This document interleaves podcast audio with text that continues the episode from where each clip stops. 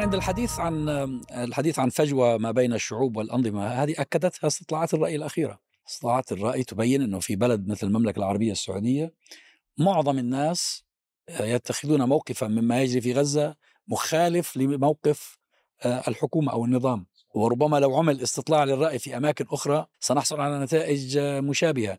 وأنا أظن إنه هذا بيعطينا أمل.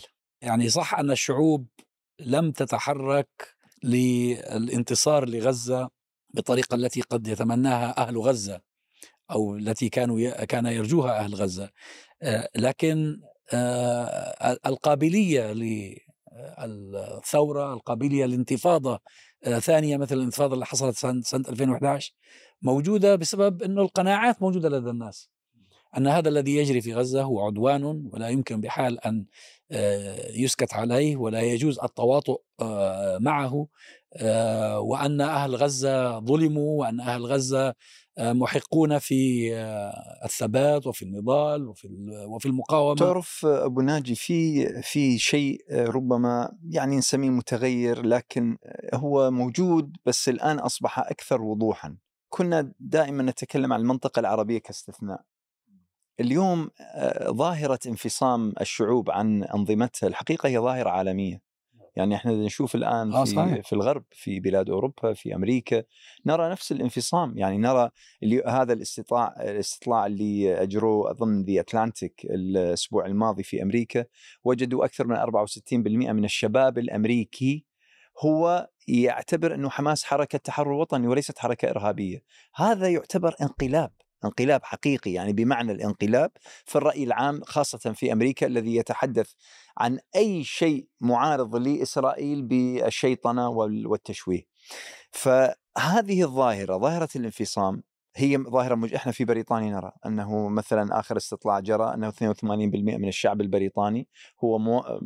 متعاطف مع القضية الفلسطينية ومع الفلسطينيين بينما أقل من 9% مع الإسرائيليين. يعني الحقيقة هذه تنم على أنه الآن في حالة من الاضطراد في, في, في حالة الانفصام بين الشعوب والأنظمة.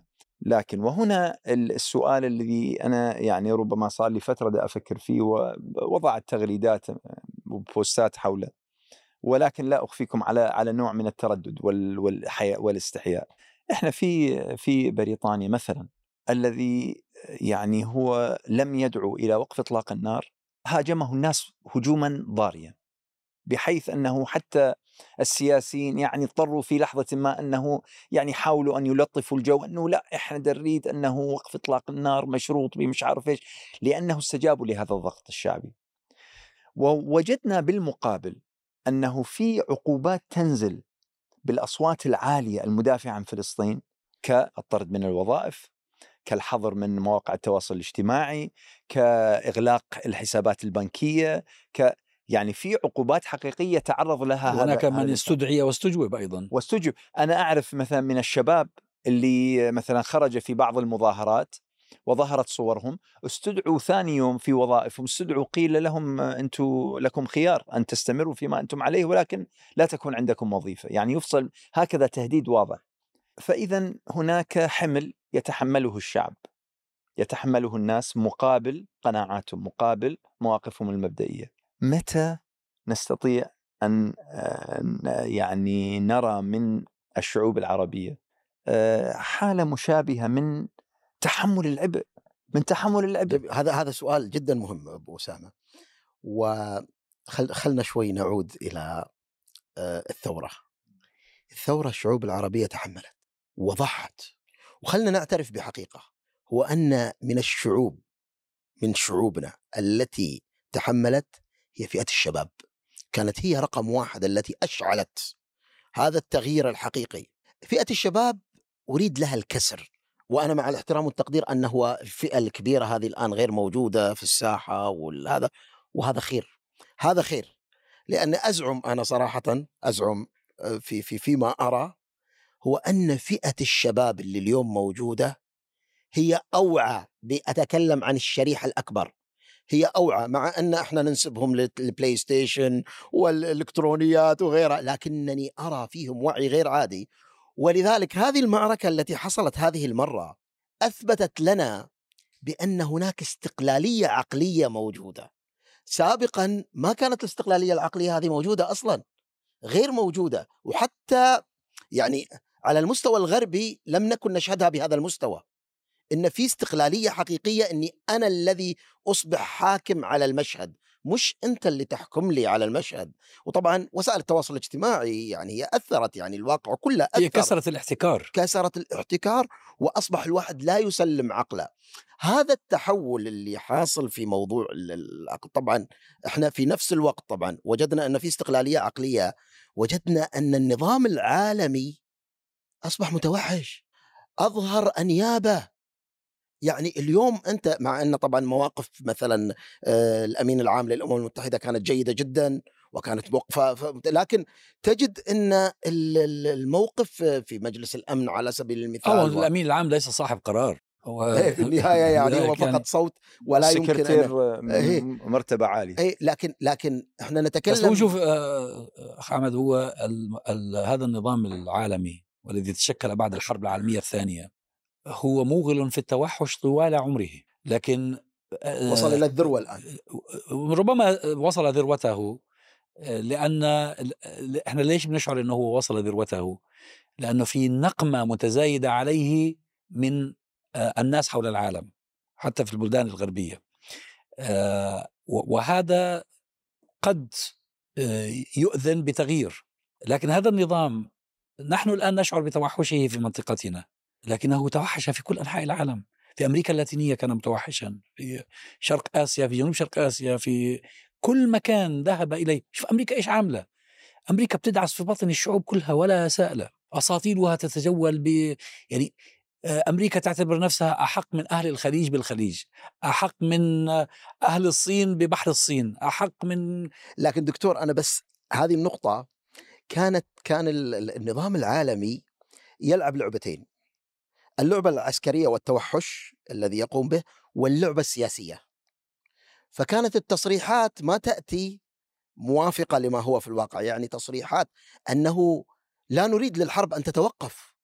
بهذه الطريقة ما سمعناها. يعني كنا دائما نسمع لا كلمات لطيفة وأننا نريد أن يعني أنه ندعو الطرفين آه، آه، لإيش؟ كانت العبارة اللي دائما ضبط, ضبط النفس. ضبط النفس هذه. كلمة يعني يطلع لك لكن أن تجد تصل البجاحة ب يا أخي كانوا يقولون نشعر بالقلق. نج... على الأقل. كانوا يقولون نشعر لا. بالقلق الآن ما عادوا يقولون نشعر بالقلق. رئيس ما أكبر بالقلق. دولة رئيس أكبر دولة يروج لكذبات.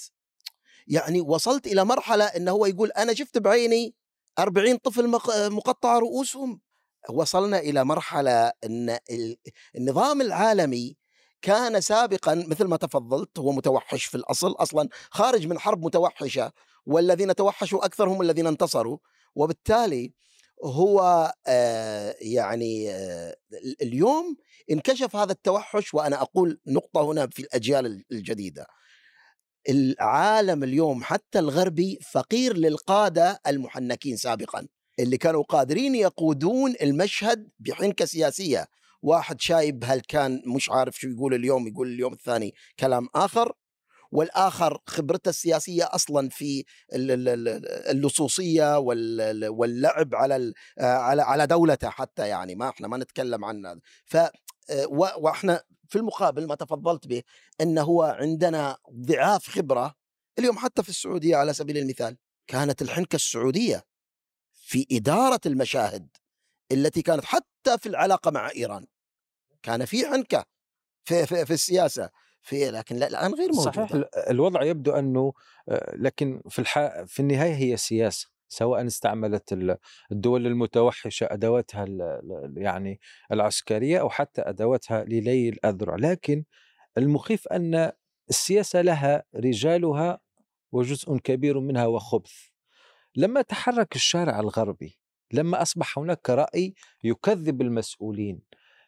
فمن ملاحظة أنه في حوالي عشر أيام الأخيرة بدأ الخبث السياسي ينتقل إلى مرحلة جديدة. القنوات كبريات القنوات وكبريات الصحف أصبحت تعد تقارير بأن تصريحات المسؤولين كانت كاذبة وأن كثير من المشاهد كانت خاطئة وتمت دعاية مغرضة. ففي تقديري نمر بمرحلة لإعادة ترتيب المشهد حتى تنتقل حالة ذلك الغرب الذي كان يخرج في المظاهرات مستاء من تلك التغطية المنحازة ومن تلك ومن ذلك التبجح بالعنف إلى القول آه والله بدأت أنتصر لأن كبريات المحطات بدأت تعدل يعني في ميزان التغطية. ف في تقديري الخبث السياسي يكمن هنا. أنا لا أظن إنه هذا يعني ناتج عن مكر أو أو مخطط. هذا ناتج عن أنهم كشفوا. يعني هو ال social media اللي كسرت الاحتكار أثبتت أنهم كذبوا. فأنت لما هو يثبت أنه كذب لا تملك إلا أن تتراجع. لا الذي أقصد هو تراجع بطريقة يمنع انتقال الكتلة الشعبية التي كانت تخرج إلى الفعل. لأنه في النهاية أيوة يسحب الضغط يسحب يعني الضغط لأنه في النهاية هو كان يكذب ويعرف أنه يكذب. بس ما تراجع أعتقد ان مساحة مساحه التراجع نفسها آه، لم تعد كما كما كانت في السابق. يعني في السابق كان النظام العالمي لديه مساحة يستطيع أن يكذب فيها ويستطيع أن يغش الشعوب على أساس انه يعني في هناك حقوق متساوية للشعوب ونحن نعترف بها وكذا. الآن لم لم يعد ذلك ممكنا. يعني إذا أخذت أخذت نموذج بريطانيا مثلا الآن يعني ضاغط لدرجة أن يعني كل المحافظين على العمال يبحثون عن كير ستارمر عشان يعيدوا دور توني بلير مرة أخرى. وهو ليس بذات الكاريزما التي كانت لتوني بلير ليتحدث عن التعايش وعن ال multiculture ما عنده حتى هذا. فالمساحة نفسها ضيقة جدا. يعني مهما تراجعوا سيجدوا أن آه، الشعوب ستنظر. okay تراجعت عن تصريحاتك السابقة ماذا ماذا بعد؟ ما هي الخطوة التالية؟ يعني الحكومة البريطانية الدولة البريطانية مسؤولة عن الشرق الأوسط تقريبا عن كل الأخطاء اللي حدثت فيه. فكيف ستتعامل؟ ما هو حلك لا هو يعني؟ سيتم التضحية بالوجوه الكاذبة لكن الاستابليشمنت يبقى لأنه في تقديري الولايات المتحدة الأمريكية. إذا خرجت بعد كل هذه الأزمة وقد ضبطت عقارب آه، جديدة لما يحدث بين روسيا وأوكرانيا بعد الحرب. لا أحد يتحدث عما يحدث بين روسيا وأوكرانيا. إذا تمكنت من إحداث بلبلة في البحث عن الدور الوظيفي وجلبت لها إيران إلى مساحة معينة لإعادة ترتيب الوضع. فهي تجلب إيران وتجلب روسيا من آه، الحليف الصيني. وبالتالي الأهداف الدول الكبرى واضحة بانه الحرب وعدد الشهداء لا يهمه هو حتى الرأي العام الداخلي مستعدين أن يضحوا حتى ببايدن. لكن في النهاية الأهداف قبل قبل 7 أكتوبر قبل أن يستثمروا في يعني الهمجية الإسرائيلية كانوا في مأزق في أوكرانيا. كانت العلاقة بين الولايات المتحدة الأمريكية والصين وصلت إلى بعض المفاصل أنه يجب أن تحسم أو فامريكا كانت محتاجة شيء من الوقت. بايدن في بداية الهجوم الصهيوني كان كان يقود الحرب. كان يريد رفع الأزمة إلى سقف يسمح له بأن يسير الازمات الخاصة بالولايات المتحدة الأمريكية دون ضغوط مع إيجاد بدائل جديدة، أنت اليوم لما تقول لبوتين بانه والله إحنا سكتنا عليك هذا الشهرين أو ثلاث أشهر وتركناك تناور وتفاوض وتبحث عن مساحات جديدة ها قد وجدت مساحات جديدة. يمكن معالجة القضية الأوكرانية بطريقة أخرى. بالنسبة لإيران أين الحديث عن المشكل النووي والمشاكل المعقدة وحتى التحالف مع الصين؟ إذا وجدت إيران بأنه قد استحدث لها دور كون جغرافيتها تسمح لها بالتأثير المباشر على المضايق وسياستها تسمح لها بالتأثير في كثير من الفوائد بس تعرف أنت تحليلك هذا يعني يعطي انطباع بأنه في واحد أو في جهة في أمريكا تخطط لكل شيء ولديها حكمة مطلقة لا لا لا. وتحسب كل شيء. الذي أقصده بينما دكتور. الحقيقة ما نراه من مظاهر هو يدل على حالة آه، من الارتباك الشديد. لا دكتور والتخبط الشديد الذي تقصده بالضبط أنا أعتقد أن كلام دكتور عزام إيه؟ صحيح. يعني يعني كيف إنه يعني, يعني هل, هل يعقل إنه أمريكا تستثمر في الهجوم على غزة من أجل حل مشكلتها مع الصين وروسيا؟ لما نرجع إلى الأحداث التاريخية دكتور الفوضى دائمة. الذي يملك القوة ولا يتأثر بها بشكل مباشر فهو يبحث عن الاستثمار في هذه الأحداث. يعني العالم ليس سلاما. أيوه أنت أنت تفترض فرضيات لكن ما في معلومات تدل على هذا على وجوده. بالعكس الذي يؤش المعلومات المتوفرة تدل على أنه في حالة من الارتباك الشديد. الولايات المتحدة في البداية كانت تظن كما أقنعها نتنياهو بأنه هذه العملية عملية سريعة ونقضي عليهم ونخلص منهم وبعدين بنمهد الأمور كما نريد. فانجروا من ورائه. الآن هم يدركون أنه ورطهم. يعني آه، الوقائع تدل على ذلك. مش على أنهم هم آه، يتعاملون بحكمة مع الموضوع لكن هم, هم يستثمرون الأمور. بشكل يعني هو مثلا في في في الدعم الأول. لو تمكنت إسرائيل من القضاء على المقاومة سيكون رابحا مباشرة بعد بداية انخفاض المنحنى وظهور بأنها ستغرق داخل فلسطين انتقل إلى بدائل أخرى. الذي أقصد بأن هذا التوغل الأمريكي لأنه يدرك بأن الأنظمة العربية يمكن الضغط عليها بأكثر من أداة لديه مصالح استراتيجية فهو لا يمكن الأنظمة أن... العربية هو ما بيضغطش عليها هي مستسلمة له هي متحالفة معه. ما فيش ضغط على الأنظمة العربية. هو بيضغط على مين؟ لا في, في النهاية كل كلهم ينساقون معه ويؤيدونه في فيما نتيجة فيما للضغط أنا أنا أناقش سياسة وليست نوايا. يعني كما كما تفضلت يعني أنا شفت التصريحات لنيكي هيلي. تعتقد أن كل اللي حدث في غزة آه، بتنسيق مع بوتين وحتى يوم 7 أكتوبر هو يوم عيد ميلاد بوتين. فالمقاومة عملت هذا على أساس فعلا فعلا؟ آه يوم 7 نعم. أكتوبر عيد ميلاد.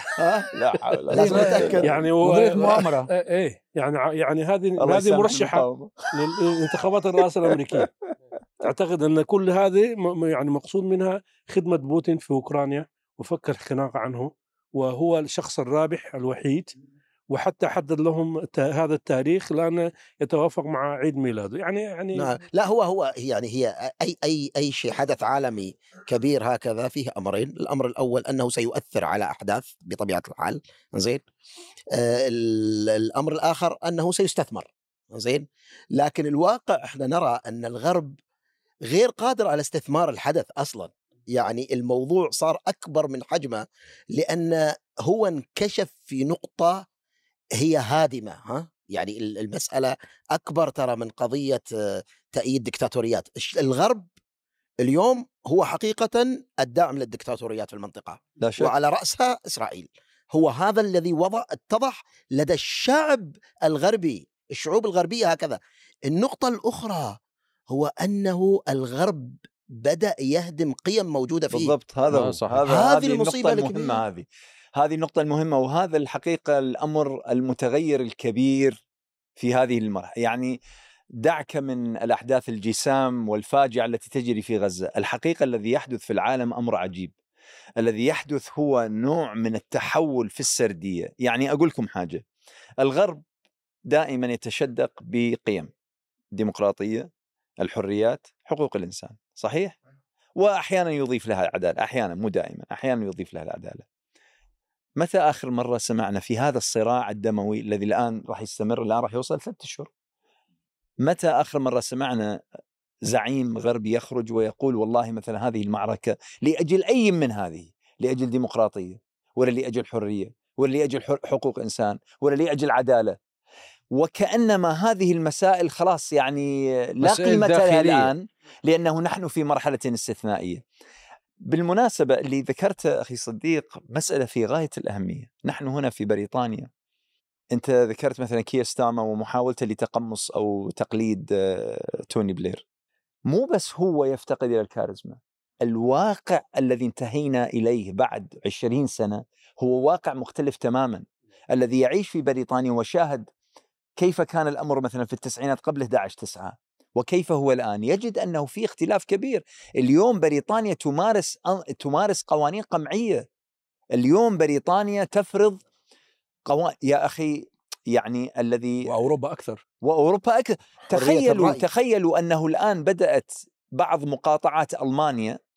لما تجي تجنس ناس بشطارتها وبإقامتها وبعملها وباستثماراتها استحقت الجنسية. أنها توقعهم على اتفاقيات واحدة من عندها هذه في ألمانيا أنه الاعتراف بإسرائيل. هذه أين تحصل في العالم كله؟ يعني إحنا لو قرأناها في كتب التاريخ نضحك نقول والله هذول كانوا ناس مجانين. لكن الآن نحن نراها في الدول التي تعبر عن قمة أنا أرى التطور أنا الإنساني. أرى مؤشرات إيجابية في كل ذلك. أرى أن هذا لا شك لا شك. دليل على أنهم في حالة ارتباك شديد. أول شيء حدث السابع من أكتوبر أخذهم على حين غرة. فوجئوا به مفاجاه أذهلتهم جميعا وبتذكروا تحدثنا من قبل كيف إنه آه، البعض شبهه بأحداث آه، Tet Offensive نعم في فيتنام, في فيتنام الذي كان بداية نهاية الوجود الأمريكي في آه، في فيتنام. التعامل الساسة في واشنطن وفي لندن وفي غيرها من عواصم الغرب كلها تدل على ارتباك واضطراب. وهم لا يعرفون ما الذي يمكن أن يحدث مساء. وإذا حل المساء لا يعرفون ما الذي سيحدث في الصباح. والسبب هو صمود أهل غزة. صمود أهل غزة فاجأهم كما فاجأهم آه، يوم السابع من أكتوبر. آه، ولذلك هم هم في حيث بايس وهذا عامل منبه أكثر للجماهير. الجماهير عادة في الغرب آه، تولي الشؤون الخارجية للسياسيين. بتعتمد بتعتبر انهم هم هدول خبراء وبيفهموا أكثر منا وإحنا ما لناش علاقة ما دام الضرائب والبطالة والصحة والمش عارف إيش والتعليم كله هذا مرتب أموره خليهم هم يتعاملوا مع الشؤون الخارجية. الآن ثبت لهم هذا جزء من من من الدوافع التي تؤدي إلى تغير الرأي العام بشكل متسارع أن هناك فشل ذريع في إدارة المشهد. واؤكد على ذلك أبو ناجي.